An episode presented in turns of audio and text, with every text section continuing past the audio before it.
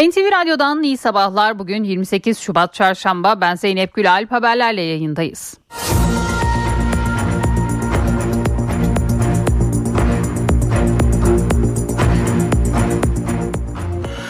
Cumhurbaşkanı Recep Tayyip Erdoğan Manisa mitinginde konuştu. Dün hedefinde CHP vardı. PKK ve FETÖ ile birlikte hareket ediyorlar dedi. Cumhurbaşkanı ekonomide olumlu gelişmeler içinde yıl sonuna işaret etti. Tüm sorunları birlikte aşacağız diye konuştu. CHP Genel Başkanı Özgür Özel ise partisinin seçimden önceki son grup toplantısında kürsüdeydi. Emeklilere yönelik önerisi vardı. Meclisin 3 gün daha çalışmasını, bayram ikramiyesinin 17 bin lira yapılmasını istedi. Özel 31 Mart'ta yapılacak yerel seçimlere dikkat çekti. Cumhur İttifakı'nı dengelemenin yolu Türkiye İttifakı diye konuştu. İyi Parti Genel Başkanı Meral Akşener ise seçim çalışmalarına dün Ankara'nın Mamak ilçesinde devam etti. Esnafı ziyaret eden Akşener adayları için o istedi. Bu sırada bir seçmenle yaşadığı diyalogsa dikkat çekti. Akşener CHP adaylarına neden destek vermiyorsunuz diye soran seçmene sizin için mi parti kurduk bu millet için parti kurduk gidin CHP'yi destekleyin seçtirin yanıtını verdi. Kafes 46 operasyonunda 3 organize suç örgütü çökertildi. İçişleri Bakanı Ali Yerlikaya'nın duyurduğu operasyonlar sonrasında adliyeye sevk edilen 48 şüpheliden 21'i tutuklandı. Operasyonlar sonucu 20 ruhsatsız tabanca, 11 av tüfeği, 3 kırı sıkı tabanca, bir çelik yelek, 68 şişe sahte alkol ve 1170 adet farklı çaplarda fişek ele geçirildi.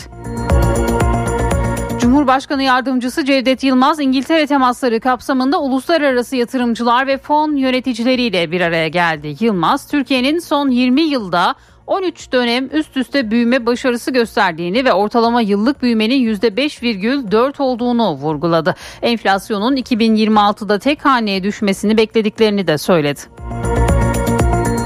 İngiltere merkezi askeri haber sitesi Forces Kaan'ı F-35 yok sorun yok. Türkiye'nin 5. nesil savaş uçağı kalkış yaptı başlığıyla manşete taşıdı. Sitede Kaan'ın Türk havacılık açısından dönüm noktası niteliğinde olduğunu da belirtti.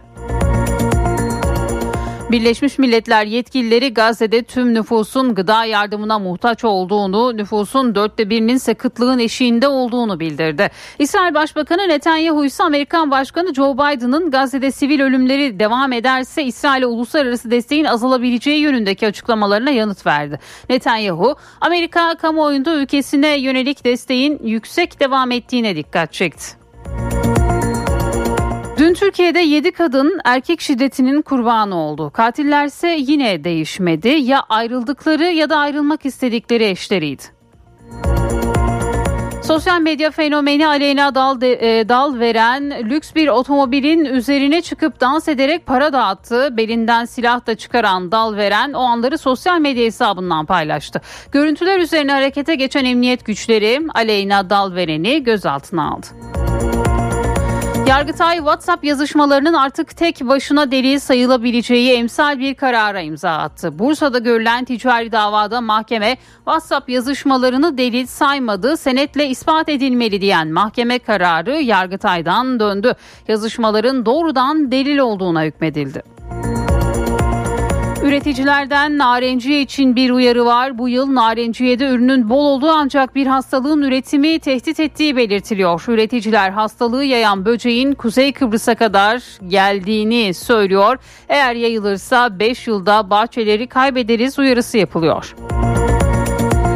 Ve spor Ziraat Türkiye Kupası çeyrek final mücadelesinde Fenerbahçe deplasmanda Ankara gücüne 3-0 yenilerek turnuvaya veda etti. Sarı lacivertliler bu sonuçla 17 resmi maç son, e, sonra ilk kez mağlubiyet yaşadı.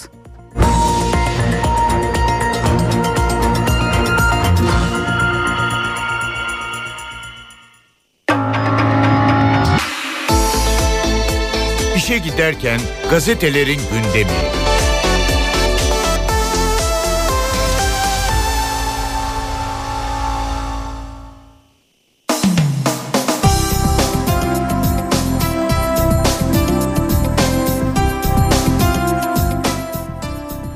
Sabahla başlıyoruz. İrade, tecrübe, program bizde manşetini atıyor bugün sabah gazetesi. Cumhurbaşkanı Erdoğan İçeride ve dışarıda birileri ısrarla milletimizin moralini bozmak istiyor. Çözüm milletiyle, devletiyle, hükümetiyle bizdedir dedi. Türkiye'nin sıkıntılarını çözecek program, irade, tecrübe, milletiyle, devletiyle, cumhurbaşkanıyla, hükümetiyle yine bizdedir. Türkiye'yi 21 yılda nasıl büyüttüysek bugünkü meseleleri de yoluna koyacağız. Hiç endişe etmeyin. Ekonomide sıkıntılar yıl sonundan itibaren hızla hafifleyecek. Vatandaşlarımızın her biri ülkenin büyümesiyle çıkacak kaynaktan hak ettiği payı alacak. Geçmişte bunu sağladık. Gençlerimizin hayallerini gerçekleştireceğiz diye konuştu Cumhurbaşkanı. Bu sıralara dönmek için yıllarca bekledim bir diğer haber sabahtan. Türkiye demokrasi tarihinin kara lekesi 28 Şubat darbesi ardında yüz binlerce mağdur bıraktı. Zulme uğrayan isimlerden biri de üniversite e, e, hayali yarıda kalan Nefise Kıyıcı'ydı. 28 Şubat sürecinde başlayan başörtüsü yasağı nedeniyle eğitim hakkı gasp edilen Nefise Kıyıcı yıllar sonra üniversite sıralarına oturmayı başardı. 56 yaşındaki Kıyıcı emekli olduktan sonra üniversite sınavına girdi ve hayalini gerçekleştirdi diyor bugün Sabah gazetesi. Batı medyası insanlık dersinden sınıfta kaldı yine bir diğer başlık. Gazze'deki soykırımı duyurmak için yaşamından vazgeçen Amerikan askerini Batı basını görmezden geldi. Dünya Amerikan askeri Aaron Bushnell'in İsrail'in Washington Büyükelçiliği önünde kendisini yakmasını konuşuyor. Kahraman asker İsrail zulmünün simgesi oldu. CNN ve New York Times gazeteleri ise bu tarihi olayı kısa bir notla geçiştirdi. Washington Post'a Bushnell'i anarşist ilan etti diyor. Bugün yine bu haberde sabahın ilk sayfasında yer buluyor. Hürriyet'in manşetinde büyük şehirler ligden düştü başlığını görüyoruz. Büyük şehirlerde konut fiyatlarındaki anormal artış hızı yavaşladı. Konut Ligi'nin şampiyonları İstanbul ve Antalya onlarca sıra geriye düştü. Buna karşılık küçük şehirlerde konut fiyatları %100'den fazla arttı. İstanbul, Antalya, İzmir gibi büyük şehirlerde konut fiyatlarının artış hızında ciddi yavaşlama oldu. 2 yıl önce 7. geçen sene 38. sırada yer alan İstanbul 70. sıraya geriledi. Zirveyi zorlayan Antalya 78. sıraya düştü. Şırnak, Ardahan, Karabük, Kars, Artvin, Erzincan, Ağrı ve Bitlis'te ise konut fiyatlarındaki artış oranı yüzde yüzü aştı diyor bugün Hürriyet gazetesi. Dondurma yerken ateşkes mesajı bir diğer başlık. Amerikan Başkanı Biden'ın açlıkla mücadele eden çocukların öldüğü Gazze'de ateşkes uygulanacağını açıklarken dondurma yemesi tepkilere neden oldu. İsrail'in Ramazan ayı boyunca Gazze'deki operasyonları askıya almayı kabul ettiğini söyleyen Biden, umuyorum ki Gazze ile ilgili gelecek pazartesiye kadar anlaşma sağlanacaktır dedi. 24 saatte 8 kadın öldürüldü. Adana, Bursa, İzmir, Adıyaman, Denizli, İzmir, Sakarya ve Erzurum'da 24 saatte 8 kadın öldürüldü. Biri ağır yaralandı. Saldırılar kadınların eski eşleri, boşanmak istedikleri kocaları ve erkek yakınları tarafından yapıldı deniliyor. Yine bu haberde Hürriyet'in ilk sayfasında yer buluyor. Milliyetle devam edelim. Cennetin çocukları manşetini görüyoruz. Cennet Öztürk Siirt Pervari Koca Çavuş köyünde adeta birlikte büyüdü öğrencilerinin dezavantajlarını ortadan kaldırmak için canla başla çalışıyor. Herekol Dağı eteklerindeki Siirt Pervari'de köy öğretmenleri dezavantajlı durumdaki e, köy çocuklarına eğitimde fırsat eşitliği sağlamak için canla başla mücadele ediyor. Yeri geliyor resmi yazışmalar yapıyor, yeri geliyor okulu temizleyip odun kırıyor, sobayı yakıyorlar. Tarlada bağda çalıştırılan küçük çocukların eğitim hakkını savunuyorlar diyor bugün Milliyet gazetesi.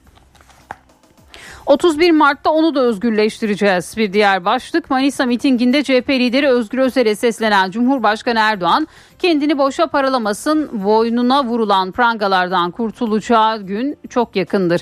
Manisa'nın da desteğiyle 31 Mart'ta onu da özgürleştirerek maruz kaldığı eziyetten kurtaracağız dedi. Cumhurbaşkanı. Biz Türkiye ittifakındayız bir diğer haber. Partisinin grup toplantısında konuşan CHP lideri Özgür Özel, Cumhur İttifakı'nı 31 Mart'ta dengelemenin tek yolu Türkiye İttifakı'dır. Biz Türkiye İttifakı'ndayız. Bizim ittifakta misak-ı milli sınırlarına sahip çıkan, Türkiye'yi seven herkes var dedi. İl başkanlarına da seslenen Özel, Atatürk sizden partisini iktidar yapmanızı bekliyor ifadelerini kullandı ve yine bu haberde bugün Milliyet gazetesinin ilk sayfasında yer aldı.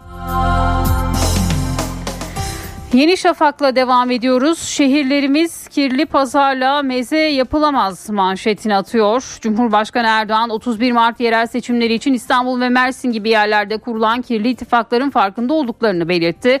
Türkiye'nin yönetimi bu zihniyete emanet edilemez. Şehirlerimizin geleceği bu kirli pazarlıkların mezesi yapılamaz diye konuştu.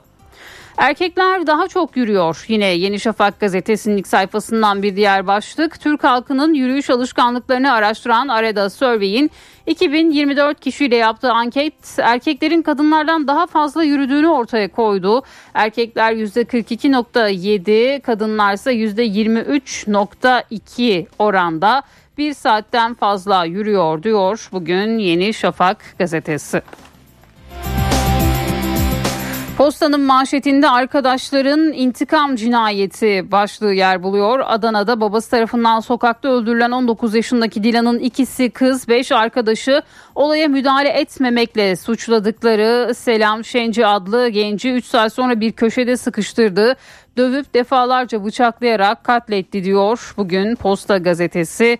Bu haberi manşetine taşıyor. Talep 5 kat arttı 6 Şubat depremlerinin vurduğu 11 kentteki şantiyelerde kule vince talep arttı. Özelliklerine göre 5 ila 15 milyon lira arasında satılan kule vinçler aylık 150 ila 250 bin lira arasında kira geliri getiriyor.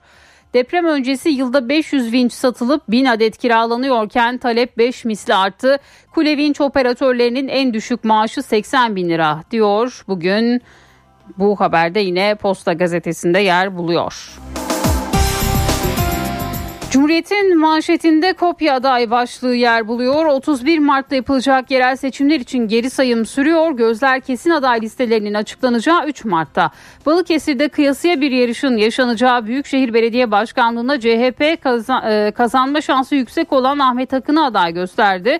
Pusula'da aynı isimle bağımsız bir adayın olduğu da anlaşıldı. CHP adayı Ahmet Akın kendisine atılacak bazı oyların yön değiştirmesinin amaçlandığını, bunun bilinçli olarak yapıldığını savundu. Akın 5 yıldır memleketi yönetip altyapıyı yolu ve suyu bile vatandaşa ulaştıramayanlar utanmadan şeytanın aklına gelmeyecek entrikalar peşinde koşuyorlar dedi ve yine bu haberde bugün Cumhuriyet'teydi. Şimdi kısa bir araya gidelim sonrasında haberlerle devam edeceğiz.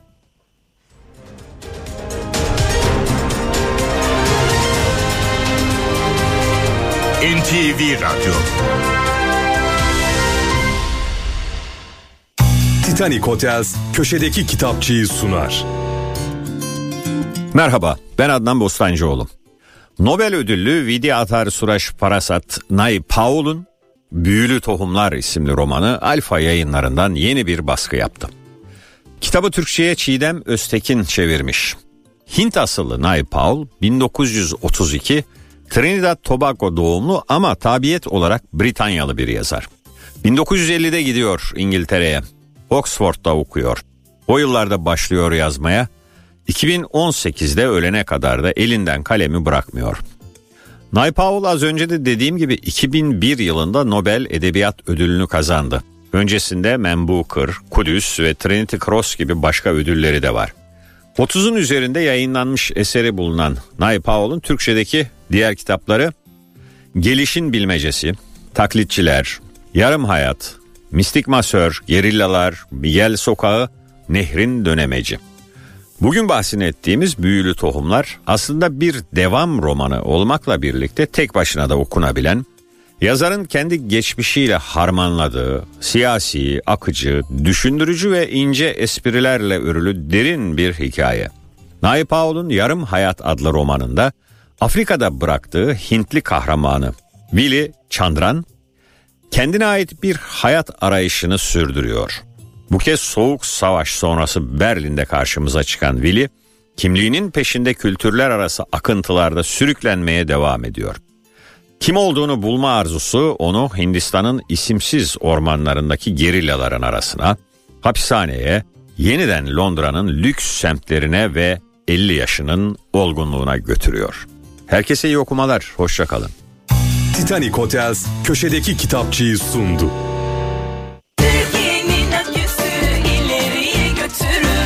Akü yol durumunu sunar. Karayolları Genel Müdürlüğü duyurdu.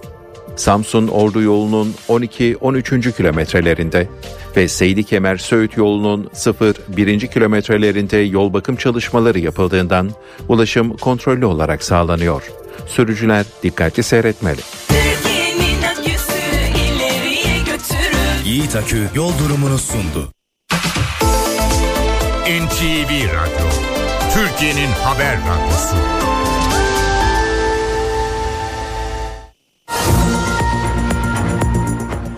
NTV Radyo'da haberleri aktarmayı sürdürüyoruz. Cumhurbaşkanı Recep Tayyip Erdoğan dün Manisa mitinginde konuştu. Hedefinde CHP vardı. PKK ve FETÖ ile birlikte hareket ediyorlar dedi. Cumhurbaşkanı ekonomide olumlu gelişmeler için de yıl sonunu işaret etti. CHP'nin lokomotifliğini yaptığı bu anlayış Türkiye düşmanı tüm çevrelerle birlikte PKK ve FETÖ gibi terör örgütleriyle birlikte hareket etmekten dahi çekinmemiştir. Daha önce 2019 seçimlerinde yapılan gizli ittifakları unutmadık. Şimdi 31 Mart için İstanbul ve Mersin gibi yerlerde kurulan kirli ittifaklarında farkındayız. Son dakika oynanan oyunların, listelerde yapılan değişikliklerin ne anlama geldiğini milletimiz gayet iyi biliyor. Bunlarda mertliğin, delikanlılığın, harbiliğin ve asbiliğin zerresi olmadığı için her işlerini gizli saklı yapmayı adet edindiler. Manisa'nın da desteğiyle 31 Mart'ta onu da özgürleştirerek maruz kaldığı eziyetten kurtaracağız. Bir önceki gibi 13 kez girdiği seçimlerden nasıl bir netice alamadan eyvallah deyip gittiyse bunun da akıbeti aynı olacak. Hiç endişe etmeyin. Çalışanlarımızın dertleri mi var? Birlikte çözeceğiz. Emeklilerimizin sıkıntıları mı var? Birlikte aşacağız. Esnafımızın ihtiyaçları mı var? Birlikte gidereceğiz. Gençlerimizin hayalleri mi var? Birlikte gerçekleştireceğiz. CHP Genel Başkanı Özgür Özel ise partisinin seçimden önceki son grup toplantısında kürsüdeydi. Emeklilere yönelik önerisi vardı. Meclisin 3 gün daha çalışmasını, bayram ikramiyesinin 17 bin lira yapılmasını istedi. Özel 31 Mart'ta yapılacak yerel seçimlere de dikkat çekti. Cumhur İttifakı'nı dengelemenin yolu Türkiye İttifakı dedi. Emekliye bayram ikramiyesi ilk verildiğindeki bin lira 24 kilo kıyma alıyormuş. Şimdi verdikleri 3 bin lira 6 kilo kıyma alıyor. Gelin 3 gün daha çalışalım. Bir emekli kart çıkaralım. Emekli karta hem almaları gereken hak ettikleri fark olanı yani 17 bin lira olması lazım. Aylık onu yükleyelim. 15 günde bir kilo et alacak, kıyma alacak meseleyi yükleyelim. Doğalgaz indirimi yükleyelim. İşte size Ramazan pidesi. Geçen sene 300 gram pide 10 lira. Bu sene 250 gram pide 15 lira. Zam yüzde 80. Sadece Türkler değil. Lazlar, Çerkezler, Kürtler var, Kürt demokratlar var. Milli takım gol atınca ayağa kalkan herkes var. Atatürk sizden partisini iktidar yapmanızı bekliyor. İl başkanlarım örgütü ayağa kaldırın. Gidin ve bu seçimi kazanın. İyi Parti Genel Başkanı Meral Akşener de seçim çalışmalarına dün Ankara'nın Mamak ilçesinde devam etti. Esnafı ziyaret eden Akşener adayları için oy, oy istedi. Bu sırada bir seçmenle yaşadığı diyalogsa dikkat çekti. Niye Mansur Yavaş'ı Ekrem İmamoğlu desteklemiyorsunuz? Ayrı Kardeşim, giriyoruz niye kardeşim. Bak, Oy vermeyin ter- siz de. ter- İyi Parti Genel Başkanı Meral Akşener Ankara'da esnaf ziyaretindeydi. Bir seçmen CHP adaylarına neden destek vermiyorsunuz diye sorunca Akşener dikkat çeken bir yanıt verdi. Ben Kemal Kılıçdaroğlu partisinin şerrinden ailemi bak ailemi Siz niye emanet ettim. Niye döndünüz? Biz ke- ay, sizin için parti kurduk biz? Ya Kendi- niye döndünüz biz ya? bu millet için parti kurduk. Vermeyin kardeşim bize o. Gidin CHP'yi destekleyin seçtirin. Mamak sokaklarında dolaşan Akşener daha sonra kameraların karşısına geçti. Seçime tek başlarına girme kararlarına yöneltilen eleştirilere yanıt verdi. Kendimizi tarttırmak üzere çıkabiliriz. Vatandaş bana der ki ey Meral Akşener kendini tarttırdın seni sınıfta bırakıyorum. O zaman bana düşen hadi bakalım eyvallah demektir. Herhangi bir şahsın şuraya vatandaşı buraya da kendi kellesini koyduğu vaki değildir. Ben koydum kardeşim. Cumhur İttifakı'nın Ankara Büyükşehir Belediye Başkan adayı Turgut Altınok, Altındağ'da gündüzde engelsiz yaşam merkezinin açılışına katıldı. Göreve geldiklerinde engelli ailelerine ulaşımı ücretsiz hale getireceklerini belirtti. Altınok, Ankara Büyükşehir Belediye Başkanı Mansur Yavaş'a yönelik eleştirilerini de sürdürdü. Bütün şehrin düzenlenmesi, planlanması, tasarımı engelli vatandaşlarımıza göre yapılacak. Engelli vatandaşımız sabahleyin evinden çıkacak veya hangi saatte çıkarsa çıksın hiçbir engelle karşılaşmadan bütün işlerini halledecek ve daha sonra evine dönebilecek. Bazı devletlerden daha fazla bütçesi var Ankara Büyükşehir. Engelsiz yaşam, engelsiz kent, engelsiz hayat adına Ankara'da yaptığı hiçbir şey yok maalesef. Ankara Büyükşehir Belediye Başkanı Mansur Yavaş ise seçim çalışmaları kapsamında Kalecik'teydi dün. Görev süresi boyunca ayrım yapmadan hizmet verdiklerini belirten Yavaş, rakiplerine mal varlıklarını açıklama çağrısı yaptı. Kim nereye oy veriyorsa oraya öncelikli hizmet diye bir felsefe asla yapmadık. Biz insanları ayıramayız. Vicdan sahibiyiz. Ankara'da ne Mansur Yavaşlar var. Yeter ki önünü açın. İnsanları korkutup oy vermelerinin önüne geçmeyin. Yönetemez dedikleri Mansur Yavaş İngiltere'den Dünya Başkent Belediyeleri Belediye Başkanı ödülü aldı. Dünya Şeffaflık Derneği'nden şeffaflık ödülü aldı. Yaptığımız birçok çalışma uluslararası kuruluşlarla ödüllendirildi. 2019'daki mal beyanım neyse şimdiki ne olmuş kuruşuna kadar açıkladım. Bütün adaylara sesleniyorum. Herkes göreve gelmeden önceki ve sonraki mal beyanı açıklasın. Emniyet Genel Müdürlüğü DEM Parti İstanbul Milletvekili Çiçek Otlu'nun evine arama yapıldığı iddialarına ilişkin bir açıklama yaptı. Milletvekilinin evinde terörde yeşil kategoride aranan bir teröristin de ikamet ettiği belirtildi. Açıklamada cezaevinde bulunan terör örgütü üyelerine para gönderdiği belirlenen 15 kişiye yönelik operasyon düzenlendiği, gözaltına alınanlar arasındaki bir kişinin de ikamet adresinin DEM Parti Milletvekili Otlu ile aynı olduğu ifade edildi. 2014 yılından itibaren ikamet ettiği adreste göz gözaltına alınan kişinin terörde e, listesi terör listesinde yeşil kategoride arandığı belirtildi. MİT Suriye Kamışlı'da yeni bir nokta operasyon düzenledi. Terör örgütü YPG'nin sözde sorumlularından Emine Seyit Ahmet etkisiz hale getirildi. Suriye uyruklu terörist terör örgütü PKK'ya 2011 yılında katıldı. İlerleyen süreçte örgütün Suriye uzantısı YPG'nin kadın yapılanması YPG'nin sözde yöneticileri arasında yer aldı. Terör örgütüne füze temin eden teröristin güvenlik güçlerine ve kilise yönelik saldırıların talimatını verdiği belirlendi. MİT'in hedef listesine alınan terörist nokta operasyonla etkisiz hale getirildi. İçişleri Bakanı Ali Yerlikaya İstanbul'da kontrol edilip kimlik sorulan dört yabancıdan birinin kaçak çıktığını açıkladı. Geçen yıl yasa dışı göçle mücadele amacıyla hizmete alınan mobil güç nokta, e, göç noktaları hakkında bilgi paylaşan Yerlikaya denetimlerin artacağını vurguladı. 200 bine yakın kontrol 56 bini bu mobil göç noktalarımızda düzensiz göçmen olduğu ortaya çıkıyor ve sınır dışı edilmek üzere geri gönderme merkezlerimize sevk ediliyor. Temel hedefimiz hem düzensiz göçle hem de göçmen kaçakçılığı organizatörleriyle amansız bir şekilde mücadele etmek. Bu yeni araçlarımızla birlikte İstanbul'da toplam 103 mobil göç noktasına ulaştık. 30 büyük şehrimizde toplamda 162 mobil göç noktası aracına ulaşmış oluyoruz. Bu kontrollerde eğer yabancı düzensiz göçmense sınır dışı işlemlerinin yapılabilmesi için geri gönderme merkezlerine sevk ediliyor.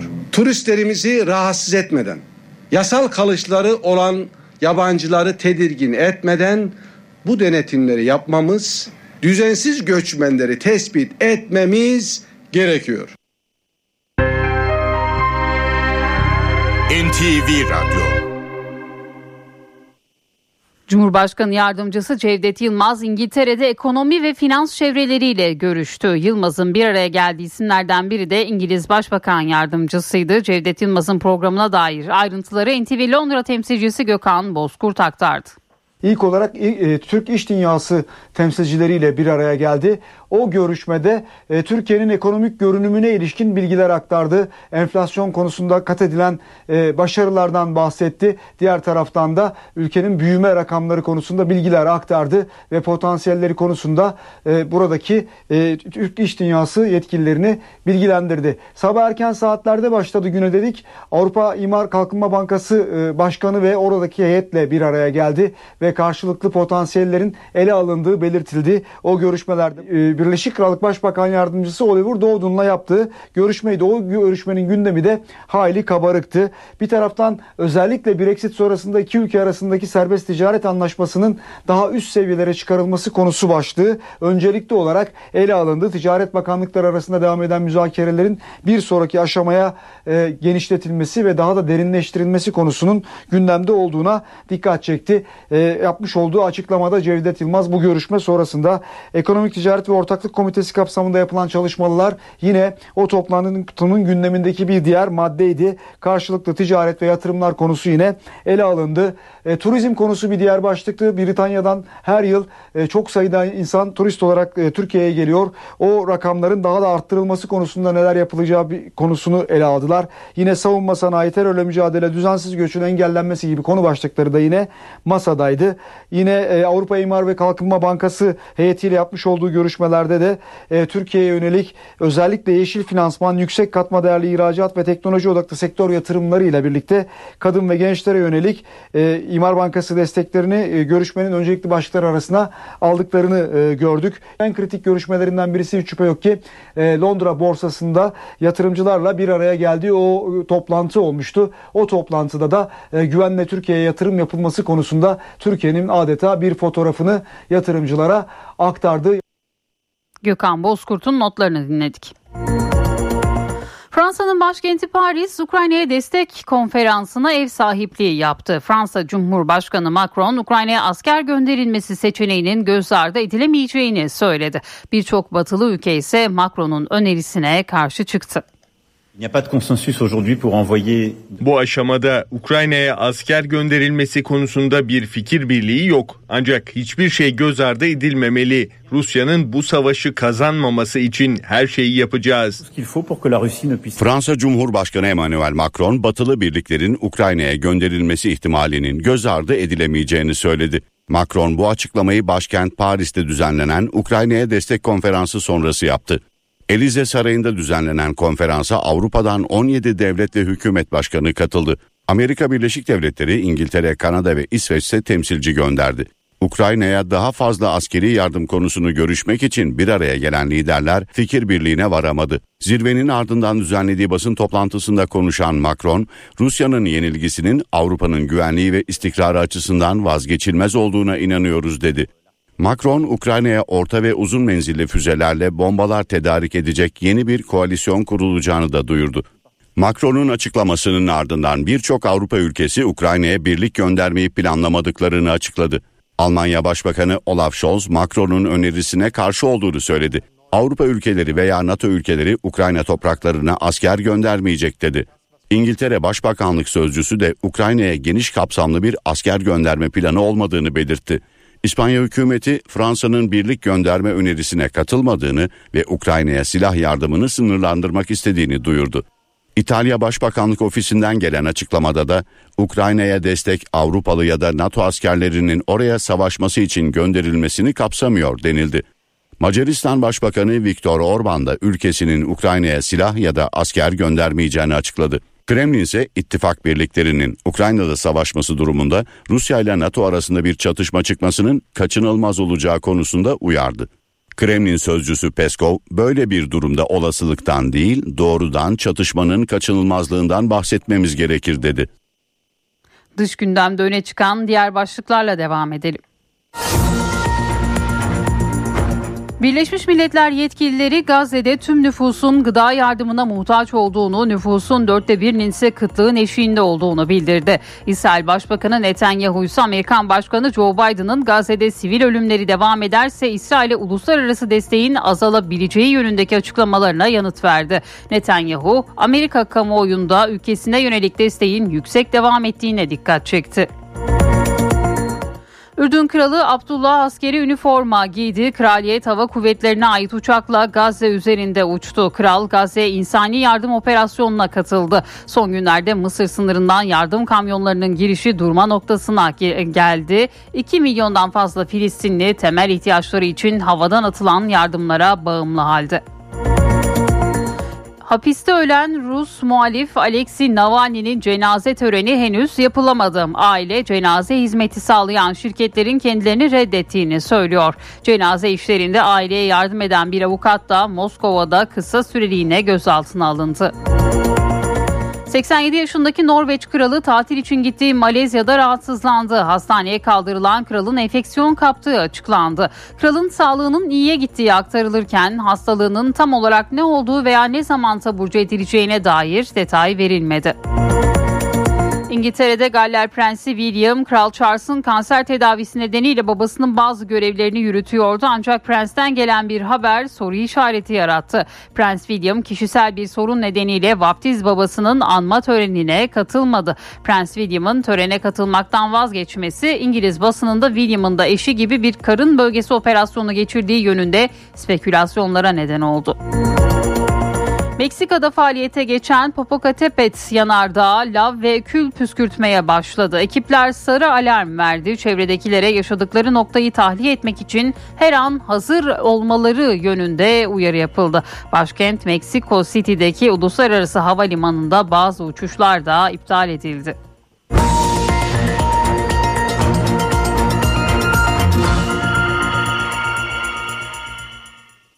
Tuğba, Hatun, Elif, Özlem, Sevilay, Ülkü, Nasım. Dün bu 7 kadın erkek şiddetinin kurbanı oldu. Katillerse yine değişmedi. Ya şu anki ya da ayrıldıkları eşleriydi. Bursa'da yaşayan 41 yaşındaki Tuğba Ateşçi geçen yıl eşi Murat Demir'den boşanarak ayrı bir eve taşındı. İki çocuğuyla birlikte yeni bir hayat kurdu. Murat Demir önceki gün eski eşine barışma teklifinde bulundu. Reddedilince ruhsatsız tabancayla Tuğba Ateşçi'yi öldürdü ve hayatına son verdi. Sakarya'da Hatun Aslan eşi Ali Rıza Aslan'la boşanma aşamasındaydı. Evi terk eden genç kadın bir süredir babasının yanında kalıyordu. Ali Rıza Aslan ailenin evine gitti, eşini tabancayla öldürdü. Daha sonra aynı silahla hayatına son verdi. Bir acı haber de Erzurum'dan geldi. Elif Saydam 15 yıllık eşi Şafak Saydam'dan boşanmak istiyordu. Dava açmaya hazırlandığı sırada çeşitli suçlardan 30 sabıkası olan Şafak Saydam tutuklandı. Ancak 19 Şubat'ta açık cezaevinden firar etti, soluğu eşinin yanında aldı. Tabancayla ateş ettiği Elif Saydam hayatını kaybetti. Olaydan sonra kaçan Şafak Saydam yakalanarak tutuklandı. Bir kadın cinayeti haberi de İzmir Ali Ağa'dan geldi. Ahmet Çankaya bir süredir ayrı yaşadığı eşi Özlem Çankaya'yı arayarak konuşmak istediğini söyledi. Ancak kadın görüşme teklifini kabul etmedi. Bunun üzerine Çankaya eşini iş görüşmesi çıkışında bıçakladı. Hastaneye kaldırılan kadın kurtarılamadı. Eşini öldüren Ahmet Çankaya tutuklandı. Denizli'de de Afgan çift arasında çıkan tartışma cinayetle sonuçlandı. Zanlı 30 yaşındaki eşini bıçaklayarak öldürdü. İstanbul Pendik'te 3 çocuk annesi Sevilay Karlı 5 ay önce boşandı. Mahkeme çocukların velayetini babaya verdi. Anne iddiaya göre çocuklarını almaya bir erkek arkadaşıyla gitti. Ertesi gün yaşanan tartışmanın ardından Ümit Karlı eski eşini 13 bıçak darbesiyle öldürdü. Çekmeköy'de de Hakan Araz eşi Emine Ülkü Araz'ı evde silahla rehin aldı. Polis ihbar hattına mesaj atarak yardım isteyen kadın için ekipler adrese gitti. İkna çabası işe yaramadı. Özel harekat devreye girdi.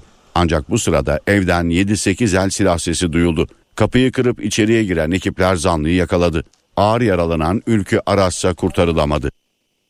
İyi bir haberle bitirelim. Ülkemizin genç yeteneklerinden 15 yaşındaki piyanist İlyon Bürkev ülkemizi gururlandırmaya devam ediyor. Bürkev, Philadelphia'daki müzik yarışmasında tam iki ödül kazandı.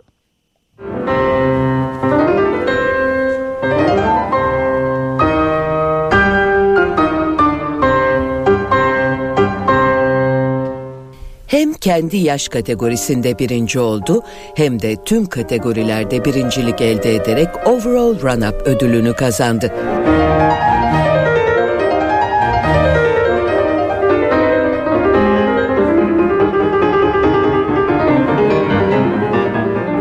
Ülkemizin genç yeteneklerinden 15 yaşındaki piyanist İlyum Bürkev, Philadelphia International Music Festivali Virtual Concerto yarışmasında kendi yaş kategorisinin yanı sıra tüm kategorilerde de birincilik elde ederek Overall Run-Up ödülüyle büyük bir başarı elde etti.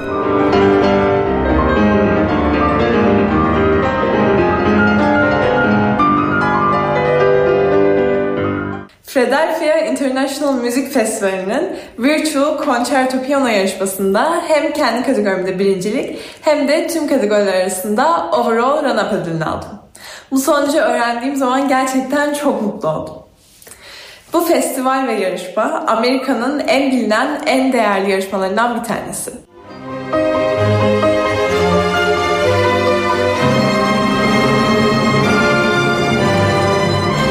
Genç piyanist bu başarısı sayesinde Temmuz ayında düzenlenecek Philadelphia Müzik Festivali'ne davet edilerek solo konserler verecek.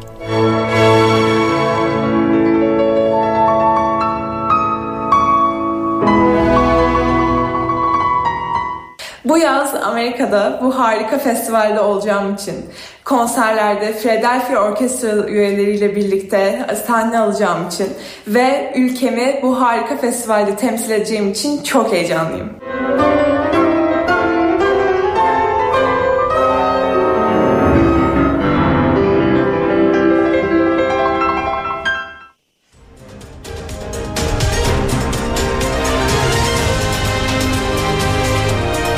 NTV Radyo HDI Sigorta İstanbul'un yol durumunu sunar.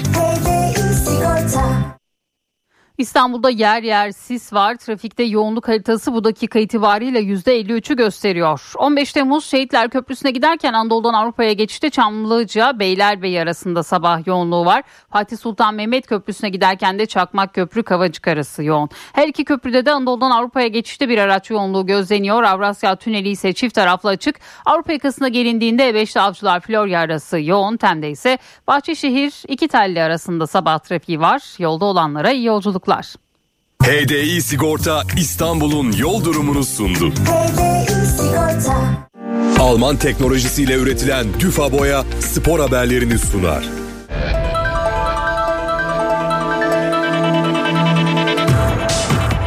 Ziraat Türkiye Kupası'nda çeyrek final programı tek maçla başladı. Çeyrek finalin ilk karşılaşmasında Ankara gücü sahasında Fenerbahçe'yi 3-0 yendi. Ankara gücü son 4 takım arasına kaldı. Başkentteki mücadelede Moruta'nın 10. dakikadaki golüyle öne geçen ev sahibi 33. dakikada Tasos'la farkı ikiye çıkardı.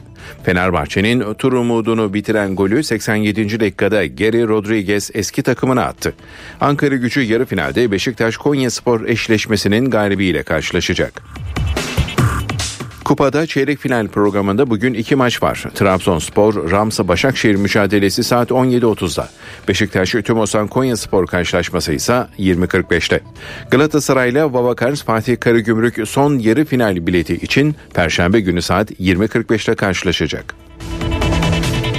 Süper Lig'de Beşiktaş Galatasaray derbisinde sarı kırmızılı taraftar da yer alacak. İl Güvenlik Kurulu kararına göre 1914 Galatasaray taraftarı Beşiktaş'ın stadında tribündeki yerini alacak.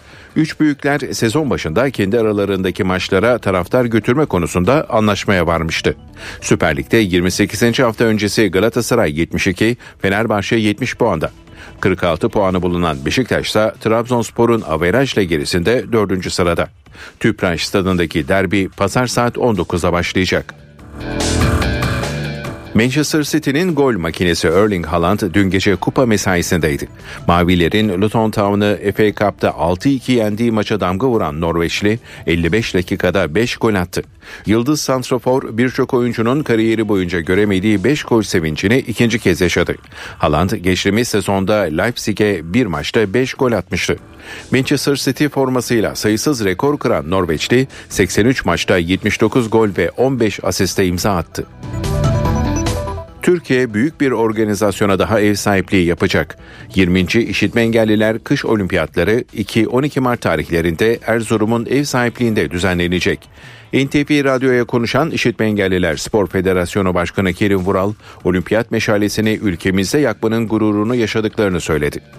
2017 yılında Samsun'da yaz olimpiyatlarını gerçekleştirdiğimiz işitme engelli sporunun bu senede ülkemizde 20. kış olimpiyatlarını gerçekleştireceğiz. Yaklaşık 7-8 aydır süren bir çalışmanın neticesinde 2-12 Mart tarihleri arasında Erzurum'da nasip olursa güzel bir organizasyon gerçekleştirmeyi planlıyoruz. Nihayetinde bu bir olimpiyat meşalesinin olduğu, 40'a yakın ülkeden temsilcinin geldiği ve Erzurum ilimizi ve ülkemizi anlattığımız devasa bir organizasyon. Biliyorsunuz meşalenin bir ülkeye gitmiş olması hem o ülke açısından hem o ülke sporu açısından çok kıymetli bir mesele. Biz bunun ikincisini gerçekleştiriyoruz. Bunun ülkede daha fazla yankı vermesini, daha fazla duyulmasını, işitme engelli sporunun duyulmasını çok arzuyor, arzuluyoruz.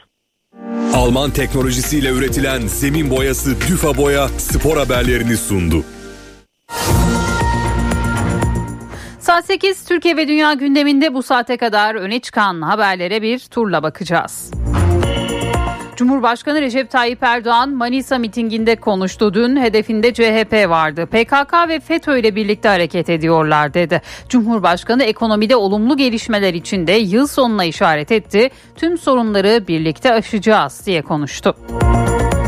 CHP Genel Başkanı Özgür Özel ise partisinin seçimden önceki son grup toplantısında kürsüdeydi. Emeklilere yönelik önerisi vardı. Meclisin 3 gün daha çalışmasını, bayram ikramiyesinin 17 bin lira yapılmasını istedi. Özel 31 Mart'ta yapılacak yerel seçimlere dikkat çekti. Cumhur İttifakı'nı dengelemenin yolu Türkiye İttifakı diye konuştu. İyi Parti Genel Başkanı Meral Akşener seçim çalışmalarına dün Ankara'nın Mamak ilçesinde devam etti. Esnafı ziyaret eden Akşener adayları için o istedi. Bu sırada bir seçmenle yaşadığı diyalogsa dikkat çekti. Akşener CHP adaylarına neden destek vermiyorsunuz diyen seçmene sizin için mi parti kurduk bu millet için parti kurduk gidin CHP'yi destekleyin seçtirin yanıtını verdi. Kafes 46 operasyonunda 3 organize suç örgütü çökertildi. İçişleri Bakanı Ali Yerlikaya'nın duyurduğu operasyonlar sonrası adliyeye sevk edilen 48 şüpheliden 21'i tutuklandı. Operasyonlar sonucu 20 ruhsatsız tabanca, 11 av tüfeği, 3 kuru sıkı tabanca, 1 çelik yelek, 68 şişe sahte alkol ve 1170 adet farklı çaplarda fişek ele geçirildi. Cumhurbaşkanı Yardımcısı Cevdet Yılmaz İngiltere temasları kapsamında uluslararası yatırımcılar ve fon yöneticileriyle bir araya geldi. Yılmaz Türkiye'nin son 20 yılda 13 dönem üst üste büyüme başarısı gösterdiğini ve ortalama yıllık büyümenin %5,4 olduğunu vurguladı. Enflasyonun 2026'da tek haneye düşmesini beklediklerini söyledi. İngiltere merkezli askeri haber sitesi Forces Kaan'ı F-35 yok sorun yok Türkiye'nin 5. nesil savaş uçağı kalkış yaptı başlığıyla manşete taşıdı. Sitede Kaan'ın Türk havacılık açısından dönüm noktası niteliğinde olduğu belirtildi. Birleşmiş Milletler yetkilileri Gazze'de tüm nüfusun gıda yardımına muhtaç olduğunu, nüfusun dörtte birinin ise kıtlığın eşiğinde olduğunu bildirdi. İsrail Başbakanı Netanyahu ise Amerikan Başkanı Joe Biden'ın Gazze'de sivil ölümleri devam ederse İsrail'e uluslararası desteğin azalabileceği yönündeki açıklamalarına yanıt verdi. Netanyahu Amerika kamuoyunda ülkesine yönelik desteğin yüksek devam ettiğine işaret etti. Dün Türkiye'de 7 kadının erkek şiddetinin kurbanı olduğu katiller ise yine değişmedi. Ya ayrıldıkları ya da ayrılmak istedikleri eşleriydi. Sosyal medya fenomeni Aleyna Dalveren lüks bir otomobilin üzerine çıkıp dans ederek para dağıttı. Belinden silah da çıkaran Dalveren o anları sosyal medya hesabından paylaştı. Görüntüler üzerine harekete geçen emniyet güçleri Aleyna Dalveren'i gözaltına aldı. Yargıtay WhatsApp yazışmalarının artık tek başına delil sayılabileceği emsal bir karara imza attı. Bursa'da görülen ticari davada mahkeme WhatsApp yazışmalarını delil saymadı, senetle ispat edilmeli diyen mahkeme kararı Yargıtay'dan döndü. Yazışmaların doğrudan delil olduğuna hükmedildi. Üreticilerden narenciye için bir uyarı var. Bu yıl narenciyede ürünün bol olduğu ancak bir hastalığın üretimi tehdit ettiği belirtiliyor. Üreticiler hastalığı yayan böceğin Kuzey Kıbrıs'a kadar geldiğini söylüyor. Eğer yayılırsa 5 yılda bahçeleri kaybederiz uyarısı yapılıyor. Ve spor, Ziraat Türkiye Kupası çeyrek final mücadelesinde Fenerbahçe deplasmanda Ankara gücüne 3-0 yenilerek turnuvaya veda etti. Sarı lacivertliler bu sonuçla 17 resmi maç sonra ilk kez mağlubiyet yaşadı.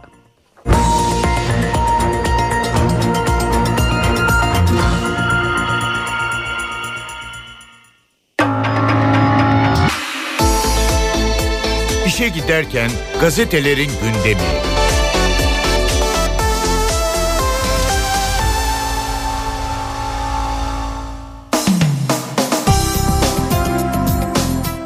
Sabahla başlıyoruz. İrade tecrübe program bizde manşetini atıyor bugün Sabah gazetesi.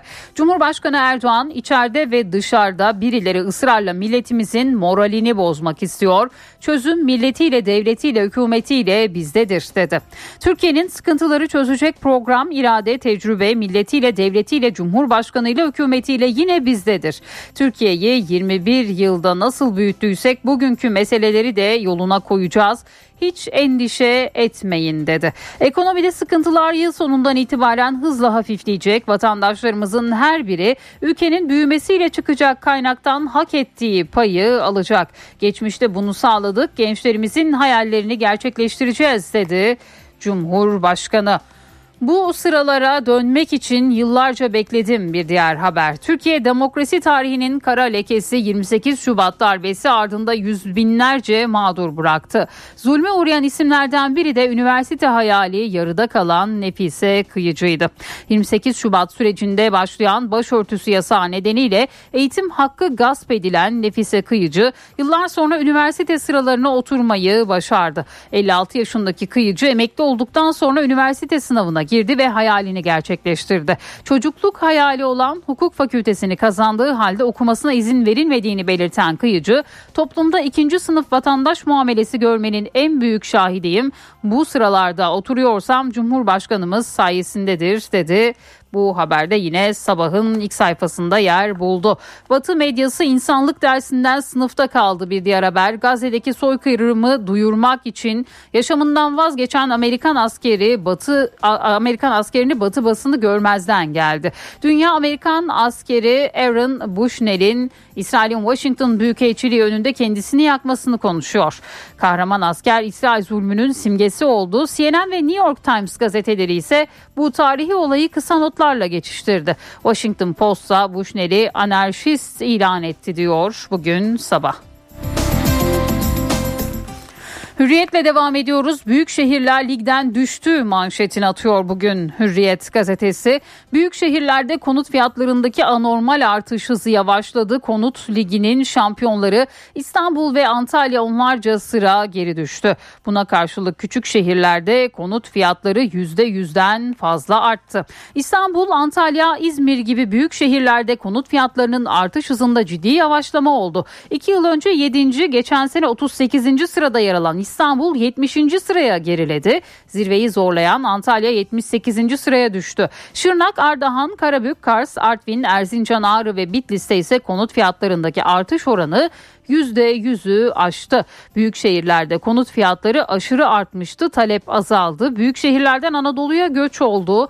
Bankalardan kredi almak zorlaştı, kredi faizleri yükseldi. İkinci eve kredi kısıtlaması geldi, yatırımcı mevduat faizine yöneldi. Antalya'daki yabancılar başka ülkelere taşınıyor. Küçük şehirlerde uygun fiyatlı konutlara ilgi arttı diyor Gülistan Alagöz bugün haberinde ve Hürriyet gazetesi de bu haberi manşetine taşıyor. Dondurma yerken ateşkes mesajı bir diğer başlık. Amerikan Başkanı Biden'ın açlıkla mücadele eden çocukların öldüğü Gazze'de ateşkes uygulanacağını açıklarken dondurma yemesi tepkilere neden oldu. İsrail'in Ramazan ayı boyunca Gazze'deki operasyonları askıya almayı kabul ettiğini söyleyen Biden, umuyorum ki Gazze ile ilgili gelecek pazartesiye kadar anlaşma sağlanacaktır dedi. 24 saatte 8 kadın öldürüldü. Adana, Bursa, İstanbul, Adıyaman, Denizli, İzmir, Sakarya ve Erzurum'da 24 saatte 8 kadın öldürüldü. Biri ağır yaralandı. Saldırılar kadınların eski eşleri, boşanmak istedikleri kocaları ve erkek yakınları tarafından yapıldı deniliyor. Bugün Yine Hürriyet gazetesinde. İlyun ve Nilay yüzümüzü güldürdü. Bir diğer başlık iki genç Türk sanatçı Nilay Tahiroğlu ve İlyun Bürkev dünyanın iki büyük ülkesindeki yarışmalardan ödülle döndü. Balerin Tahiroğlu Moskova Bale yarışmasında ikinci olurken piyanist Bürkev Amerika Philadelphia'da tüm kategorilerde birincilik kazandı. Genç piyanist Bürkev Temmuz'da Philadelphia Müzik Festivali'nde solo konser verecek. Tahiroğlu ilk büyük yarışmamdı böylece bir başlangıç yapmak çok güzel oldu dedi. Milliyetle devam ediyoruz. Cennetin çocukları manşetini görüyoruz. Cennet Öztürk, Siirt Pervari Koca Çavuş köyünde adeta birlikte büyüdüğü öğrencilerinin dezavantajlarını ortadan kaldırmak için canla başla çalışıyor. Herekolda eteklerindeki Siirt Pervari'de köy öğretmenleri dezavantajlı durumdaki köy çocuklarına eğitimde fırsat eşitliği sağlamak için canla başla mücadele ediyor. Yeri geliyor resmi yazışmalar yapıyor, yeri geliyor okulu temizleyip odun kırıyor, sobayı yakıyorlar. Tarlada bağda çalıştırılan küçük çocukların eğitim hakkını savunuyorlar. 29 yaşındaki Cennet Öztürk Koca Çavuş köyünde 4 yıldır sınıf öğretmeni. Birleştirilmiş sınıflı köy okulunda yalnızca 7 öğrencisi var. Cennet öğretmen onları çocuklarım diye tanımlıyor. Köydeki 14 hanede ise 100 kişi yaşıyor. Sınıfta çocuklar kendi aralarında Kürtçe, öğretmenleriyle Türkçe konuşuyor. Sedef diş hekimi olmak istiyor. Bünyamin polis, Zehra ise fotoğrafçı diyor. Bugün Uğur Yıldırım'ın özel haberi de Milliyet'in manşetinde yer buluyor. 31 Mart'ta onu da özgürleştireceğiz. Bir diğer haber Manisa mitinginde CHP lideri Özgür Özel'e seslenen Cumhurbaşkanı Erdoğan kendini boşuna paralamasın boynuna vurulan prangalardan kurtulacağı gün çok yakındır. Manisa'nın da desteğiyle 31 Mart'ta onu da özgürleştirerek maruz kaldığı eziyetten kurtaracağız dedi Erdoğan. Ekonomideki sıkıntıların yıl sonundan itibaren hızla hafiflemeye başladığını, önümüzdeki yıldan itibaren de yeniden yükselişe geçeceğimizi hep birlikte göreceğiz diye konuştu. Bu haberde yine Milliyet'in ilk sayfasında yer buldu. Biz Türkiye İttifakı'ndayız bir diğer başlık. Partisinin grup toplantısında konuşan CHP lideri Özgür Özel, Cumhur İttifakı'nı 31 Mart'ta dengelemenin tek yolu Türkiye İttifakı'dır. Biz Türkiye İttifakı'ndayız. Bizim ittifakta misak-ı milli sınırlarına sahip çıkan, Türkiye'yi seven herkes var dedi. İl başkanlarına da seslenen Özel, Atatürk sizden partisini iktidar yapmanızı bekliyor ifadelerini kullandı. Seçil Bank'ın bakkal defteri bir diğer başlık yine Milliyet'ten Yüksek gelir vaadiyle aralarında ünlü isimlerin de olduğu çok sayıda kişiyi milyonlarca dolar dolandıran Seçil Erzan davasında dosyaya giren yeni delillerde Erzan'ın tüm hesabını bakkal defterlerine andıracak şekilde kayda geçirdiği görülüyor. Erzan yakalandıktan sonra yakın arkadaşı ve davanın tutuksuz sanığı Nazlıcan, Zehra Nur Karaca ile dolandırıcılık haberlerini paylaşarak ne seçilmiş be kardeşim karşımızda Türkiye'yi dolandırmış bir şizofren var diyor. Bu haberde yine bugün Milliyet'in ilk sayfasında yer buluyor. Yeni Şafak'la devam edelim. Şehirlerimiz kirli pazarla meze yapılamaz manşetini atıyor bugün Yeni Şafak gazetesi. Cumhurbaşkanı Erdoğan 31 Mart yerel seçimleri için İstanbul ve Mersin gibi yerlerde kurulan kirli ittifakların farkında olduklarını belirterek Türkiye'nin yönetimi bu zihniyete emanet edilemez. Şehirlerimizin geleceği bu kirli pazarlıkların mezesi yapılamaz dedi. Erkekler daha çok yürüyor. Bir diğer haber Türk halkının yürüyüş alışkanlıklarını araştıran Areda Survey'in 2024 kişiyle yaptığı anket erkeklerin kadınlardan daha fazla yürüdüğünü ortaya koydu. Erkeklerin %42,7'si kadınların da %23,2'si bir saatten fazla yürüyor diyor Yeni Şafak. Marketler mercek altında Ticaret Bakanlığı ekipleri Ramazan ayı öncesinde Ankara, İstanbul ve İzmir dahil 10 ilde marketlerde fahiş fiyatla etiket denetimi yaptı. Denetimlerde usulsüzlük tespit edilmesi halinde ceza uygulanıyor. Fenerbahçe kupa şoku. Ziraat Türkiye Kupası çeyrek finalinde Ankara gücüne konuk olan Fenerbahçe ağır bir yenilgi aldı. Rakibi karşısında varlık gösteremeyen Sarı Lacivertliler 3-0 mağlup olarak kupadan elendi deniliyor ve bu haberde yine Yeni Şafak gazetesinin ilk sayfasında yer buluyor. Postanın manşeti arkadaşların intikam cinayeti. Adana'da babası tarafından sokakta öldürülen 19 yaşındaki Dilan'ın ikisi kız 5 arkadaşı olaya müdahale etmemekle suçladıkları Selam Şenci adlı genci 3 saat sonra bir köşede sıkıştırdı. Dövüp defalarca bıçaklayarak katletti diyor. Posta gazetesi bu haberi bugün manşetine taşıyor. Bir diğer başlıksa talep 5 kat arttı. 6 Şubat depremlerinin vurduğu 11 kentteki şantiyelerde kule vince talep arttı. Özelliklerine göre 5 ila 15 milyon lira arasında satılan kule vinçler aylık 150 ila 250 bin lira arasında kira geliri getiriyor. Deprem öncesi yılda 500 vinç satılıp 1000 adet kiralanıyorken talep 5 misli arttı. Kule vinç operatörlerinin en düşük maaşı 80 bin lira. 250 lira istedi 10 bin lira cezayı yedi yine Posta gazetesinden. Beşiktaş'tan aldığı iki kişiyi Şişli'ye götürmek için 250 lira isteyen ısrarlara rağmen taksimetre açmayan taksici müşterilerini indirmişti. O taksi şoförüne ruhsatsız taşımacılık yapmaktan 6439 lira taksimetre açmamaktan 3135 lira olmak üzere 9574 lira ceza kesildi. Çalışma ruhsatı da iptal edilerek araç trafikten men edildi ve yine bu haberde Posta gazetesindeydi. Cumhuriyet Skopje aday manşetiyle çıkıyor bugün. 31 Mart'ta yapılacak yerel seçimler için geri sayım sürüyor. Gözler kesin aday listelerinin açıklanacağı 3 Mart'ta. Balıkesir'de kıyasıya bir yarışın yaşanacağı Büyükşehir Belediye Başkanlığı'na CHP kazanma şansı yüksek olan Ahmet Akın'ı aday gösterdi. Pusula'da aynı isimde bağımsız bir adayın da olduğu anlaşıldı. CHP adayı Ahmet Akın kendisine atılacak bazı oyların yön değiştirmesinin amaçlandığını, bunun bilinçli olarak yapıldığını savundu. Akın 5 yıldır memleketi yönetip altyapıyı, yolu ve suyu bile vatandaşa ulaştıramayanlar utanmadan şeytanın aklına gelmeyecek entrikalar peşinde koşuyorlar diye konuştu. Bir diğer başlık gıdada tufan geliyor. Türkiye Ziraatçılar Derneği Genel Başkanı Hüseyin Demirtaş 31 Mart sonrası için tarımda girdi maliyetlerinin daha da artacağına vurgu yaptı. Demirtaş yanlış politikaların bedelini üretici ve halk ödüyor dedi. Bir başlığı daha aktaralım. Ucuz et kuyrukları uzuyor. Kırmızı et fiyatlarına üst üste gelen zamlar sonrası iktidar hayvancılıkta ithalatı kamu kontrolüne alacağını duyurdu. Sektör temsilcileri ise temel sorun üretim diyerek çözüm önerilerini sıraladı. Besiciler desteklenmeli, ulusal hayvancılık politikası geliştirilmeli denilmiş. Yine bugün bu haberde Cumhuriyet Gazetesi'nin ilk sayfasında yer aldı. NTV Radyo Evdeki Hesap Profesör Murat Ferman hafta içi her gün ekonomideki güncel gelişmeleri NTV Radyo dinleyicileri için yorumluyor. Günaydın Sayın Ferman mikrofon sizde. Zeynep Gül Hanım günaydın. İyi bir gün, iyi yayınlar diliyorum. Sadece haftalar önce 2024 yılıyla ilgili öngörü ve kestirimleri paylaşırken ortaya kalın çizgilerle çıkan bir trend veya bir gerçeklik vardı.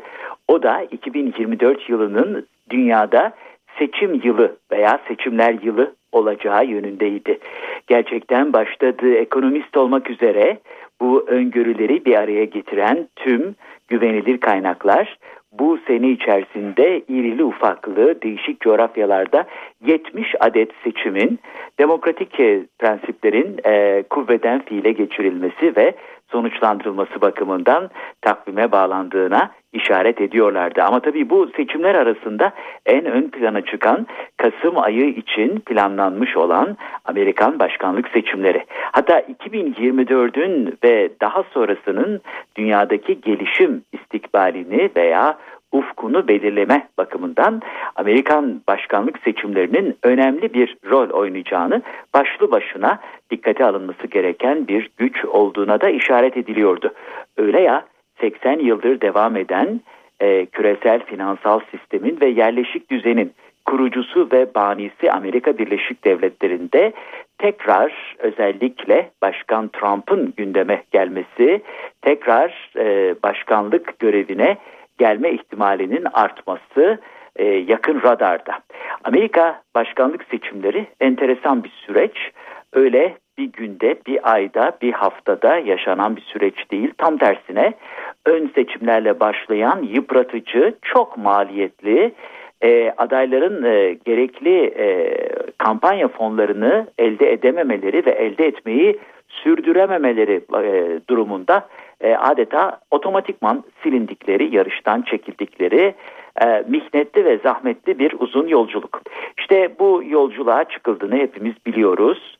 Dün gece itibariyle de Michigan eyaletindeki ön yoklamaların veya seçmen e, eğilim tercih yoklamalarının ilk sonuçları ortaya çıktı. Buna göre e, hem demokrat kesimde Biden hem de e, cumhuriyetçi kesimde e, Trump e, rakiplerine fark attı. Aslında Biden'ın rakibi yok kendi başına e, bir e, güven yoklaması oylaması yapılıyor. İlk e, kestirimler %68 oranında e, Trump'ın önde olduğu e, özellikle Michigan e, Arap nüfusun fazlalığı dolayısıyla da Gazze olaylarındaki tutumu dolayısıyla Biden'ın yıpranabileceği bir eyalet olarak öngörülmüştü ama ilk e, neticeler Biden'ın korktuğuna uğramadığını gösteriyor. Ama esas mesele tabii Trump kartı. E, Trump e, bilindiği üzere e, Nikki Haley ile e, baş başa kaldı. Ee, ve netice itibariyle daha evvel kendisinin Birleşmiş Milletler'e Amerika Birleşik Devletleri daimi temsilcisi büyükelçisi olarak atadığı Nikki Haley'e e, geçen veya e, yaşlanan kampanya sürecinde tırnak içinde kuş beyinli yakış, e, yakıştırmasını bile e, sarf edecek bir noktaya geldiler. E, Trump'ın Nikki Haley'e karşısında başarılı olacağı düşünülüyor, öngörülüyor. E, ama tabii esas mesele e, Trump'ın özellikle New York Eyalet Mahkemesi'nden e, mahkum edildiği veya aldığı ceza ile ilgili çok enteresan 3 senedir süren bir e, soruşturma ve mahkeme süreci e, Trump'ı kendi iş imparatorluğu veya kendi e, işiyle ilgili olarak e, olduğundan fazla değer göstererek, enflate ederek, şişirerek kamuoyunu yanıltmak e, suçuyla e, New York'ta bir mahkeme mahkum etti. 3 yıl boyunca New York eyaletinde hiçbir şirket yönetiminde bulunamayacak. Bir şirketlerine bir kayyum atandı ve aynı zamanda merkezi New York'ta bulunan Amerika Birleşik Devletleri'ndeki muhkim bankalardan da kredi alma mekanizmasının önü kesildi. Şu an itibariyle 465 milyon dolarlık bir e, faizle birikmiş olan bir mahkeme borcu var. Her gün 112 bin dolar gecikme faizi işleniyor. Bu da enteresan bir Amerikan sistemi. Acaba e, şirket emanet edilmeyen bir adama e, ülke emanet edilir mi? Amerika Birleşik Devletleri emanet edilir mi? Rezerv para emanet edilir mi? Gibi sorular da gündeme geliyor. Yakından izlememiz lazım. Çünkü Trump'ın yeniden iktidara gelip gelmemesi veya e, daha evvelden işaret bir şeyini attığı yeniden korumacı politikalar vesaire aralarında Türkiye olmak üzere tüm ülkeleri ve tüm geleceği yeniden biçimlendirecek. Son bir dipnot bu perşembe günü yani yarın her iki adayın da yani Biden'ın mevcut başkan ama aday Biden ve Trump'ın Meksika sınırına giderek e, bu en son göçmen kriziyle ilgili boy göstermeleri de bekleniyor. Bu genel bilgi paylaşımı çerçevesinde değerli dinleyenlerimize katma değeri yüksek ve yüksek katma değerli bir gün diliyor. E, huzurlarınızdan hürmetlerle ayrılıyorum. Profesör Murat Ferman'la evdeki hesap sona erdi. Kaçırdığınız bölümleri www.ntvradio.com.tr adresinden dinleyebilirsiniz. Dünya markası Bras çatı sistemleri finans bültenini sunar.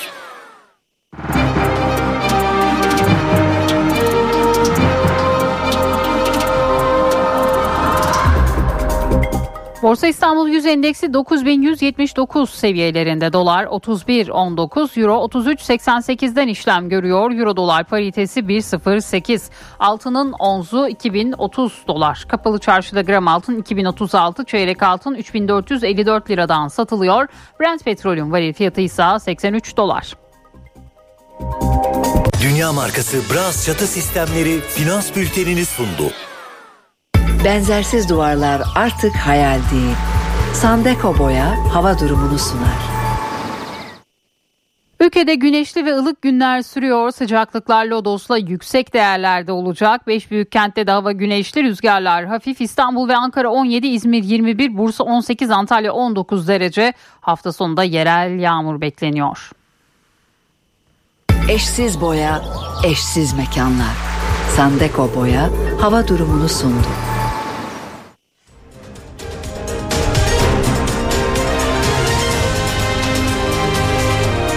NTV Radyo.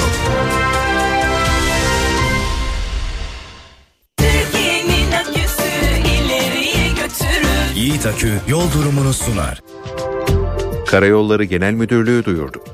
Zonguldak Devrek yolunun 0-1. kilometrelerinde ve Anamur Aydıncık yolunun 44-45. kilometrelerinde yol bakım çalışmaları yapıldığından ulaşım kontrollü olarak sağlanıyor. Sürücüler dikkatli seyretmeli. Türkiye'nin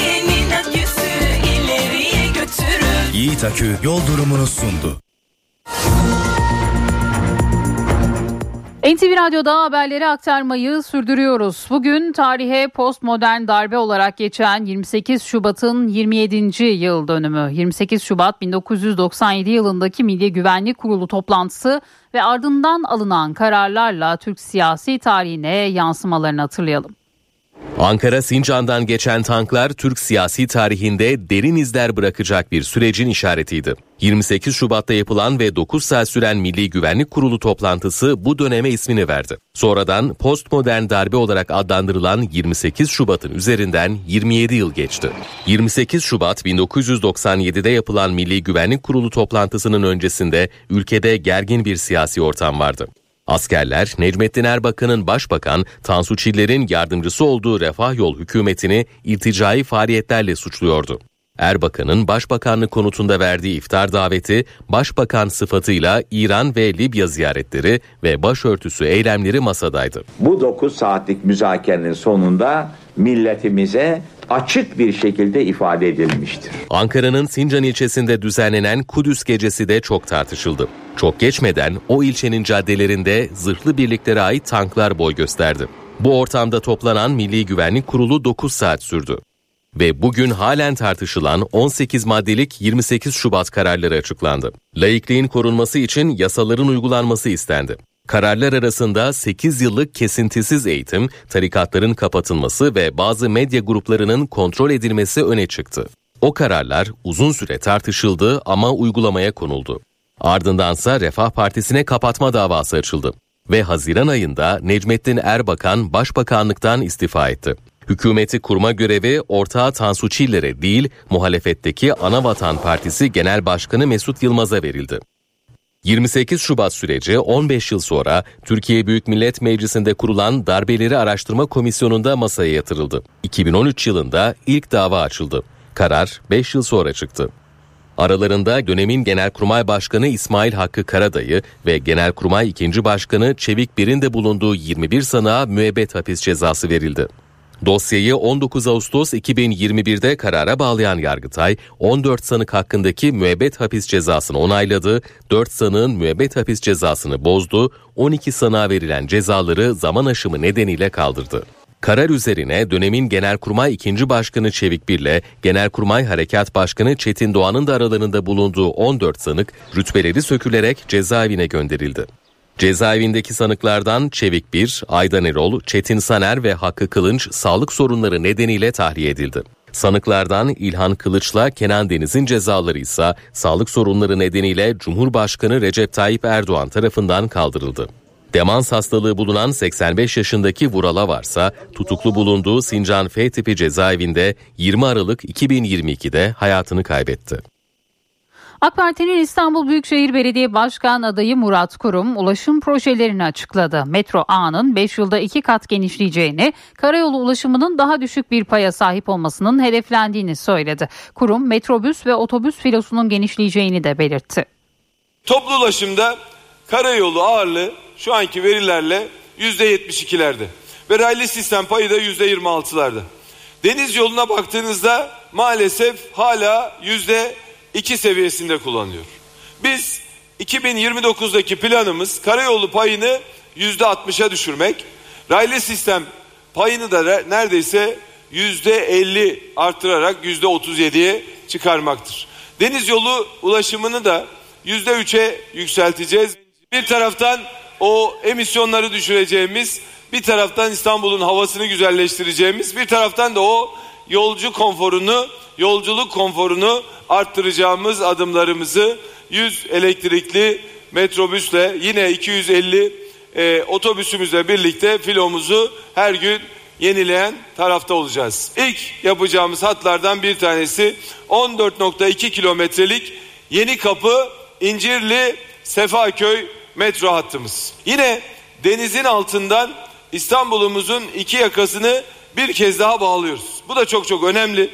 Ee, hem metrobüs hattındaki o yoğunluğu e, düşürecek hem de iki yakayı birbirine kesintisiz bir şekilde bağlayacağımız 28 kilometrelik İncirli Gayrettepe Söğütlü Çeşme metro hattımız.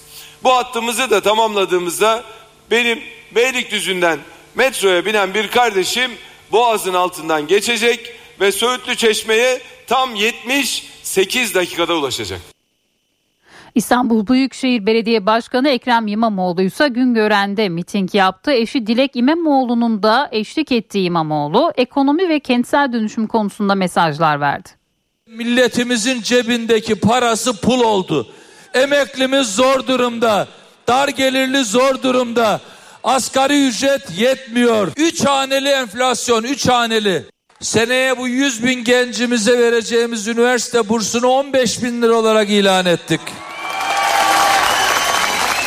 Aynı zamanda eğer bir haneye tek emekli maaşı giriyorsa o hane için o hane için yılda 10 bin lira pazar desteği vereceğiz. 25 semtte yerleri belirlenmiş 20 bin yeni konutun yapımına başlayacağız. Bakın biz size 650 bin konut yapacağız diyerek sizi aldatmıyoruz.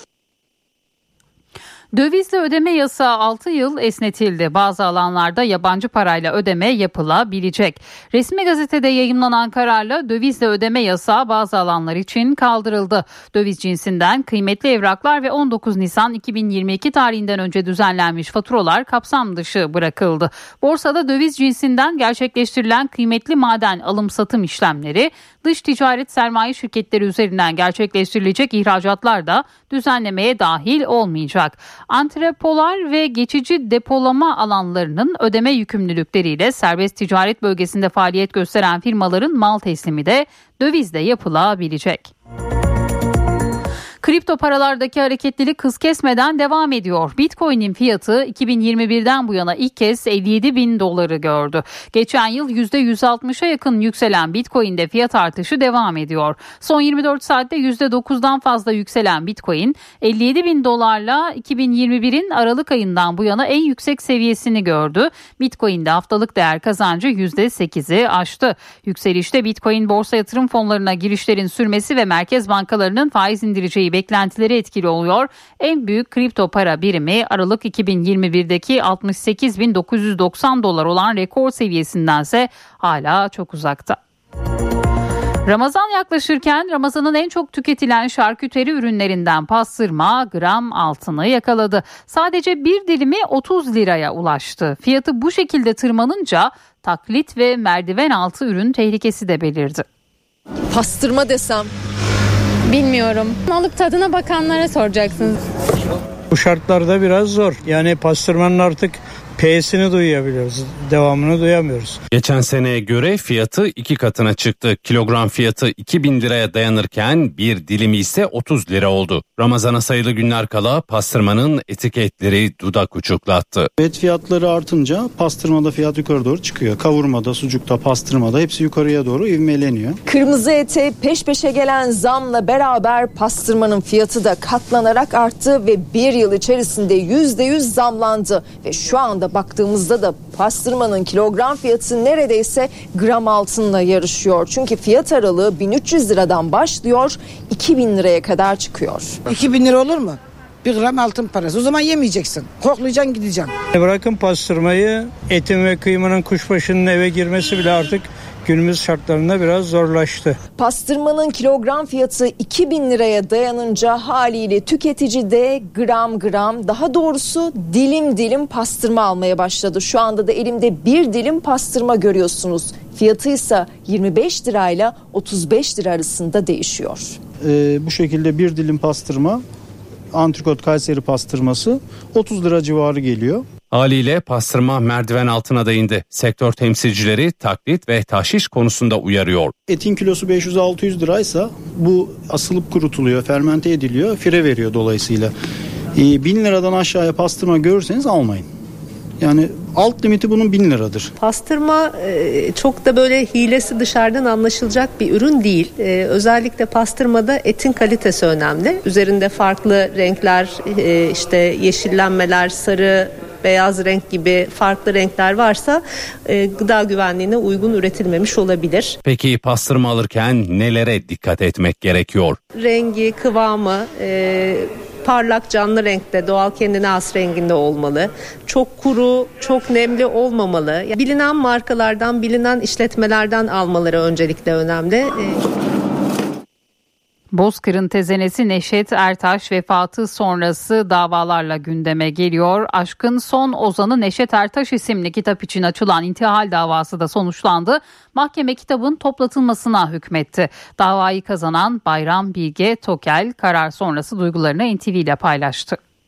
Gönül dağı yağmur yağmur boran olunca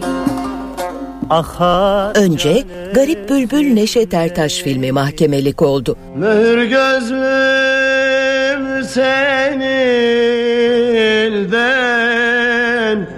Ardından Neşet Ertaş kitabı. Neden garip garip ötersin bülbül Unutulmaz türkülere sesiyle, sazıyla hayat veren, hayattayken UNESCO tarafından yaşayan insan hazinesi ilan edilen Bozkır'ın tezenesi Neşet Ertaş, vefatı sonrası eserleriyle değil davalarla anılıyor.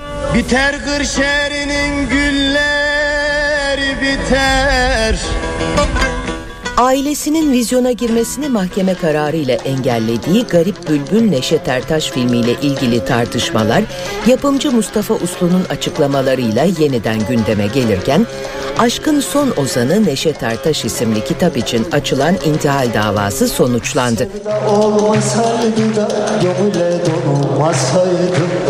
Sevda olmasaydı da Araştırmacı, yazar ve müzisyen Bayram Bilge Tokel, Sinan Yağmur imzasıyla çıkan kitabın kendi eseri olan Neşet Ertaş kitabından intihal olduğu gerekçesiyle açtığı davayı kazandı.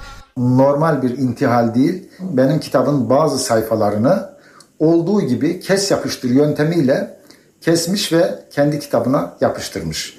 Ve bu az buz değil, bilirkişi raporuyla e, tespit edildiği gibi %20'lere yaklaşan bir oran. Kitabın içeriğiyle ilgili de e, çok ciddi sıkıntılar var. Çocukları, eşi hayatta olan gerçek Neşet Ertaş yerine hayali bir Neşet Ertaş yaratmış. Neşet Ertaş'ın hiçbir zaman başından geçmeyen olayların içine sokmuş. Dolayısıyla Neşet Ertaş'ın da aslında içini boşaltmış. Sen mi ağladın Hep sen mi yandın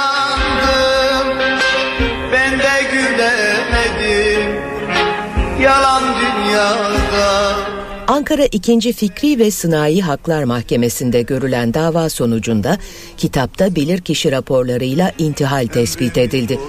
Karara göre 2022'de piyasaya çıkan kitabın toplatılmasına ve Yağmur'un Tokel'e 11 bin 25 bin lira maddi tazminat ödemesine hükmedildi. Daha önceki kitaplarında da benzer şeyler yaptığını ben e, fark ettim. Mevlana gibi, Şems gibi, Yunus Emre gibi bizim tarihimizin, kültürümüzün ve medeniyetimizin mihenk taşı diyebileceğimiz isimlerle ilgili kitaplarında da orada da gerçek Mevlana, gerçek Şems, gerçek Yunus yerine e, kendi hayalindeki e, bir tipi canlandırmış. Tabii onların e, yakını kimi kimsesi olmadığı için Mevlana'nın, Şems'in, Yunus'un e, onları tepe tepe kullanıyor. Fakat Neşet Ertaş'ın çocukları da, ailesi de hayatta ve e, çok şükür ben de hayattayım ve her şey, gerçekler açıkça ortada duruyor.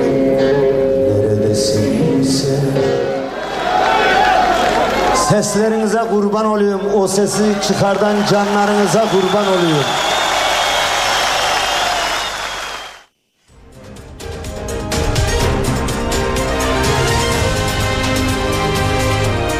NTV Radyo